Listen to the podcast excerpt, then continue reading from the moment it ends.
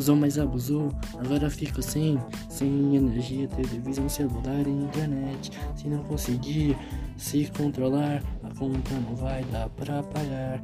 A luz do seu quarto pode desligar e a internet parar de usar. Se não economizar, um banho de água fria vai ter que tomar.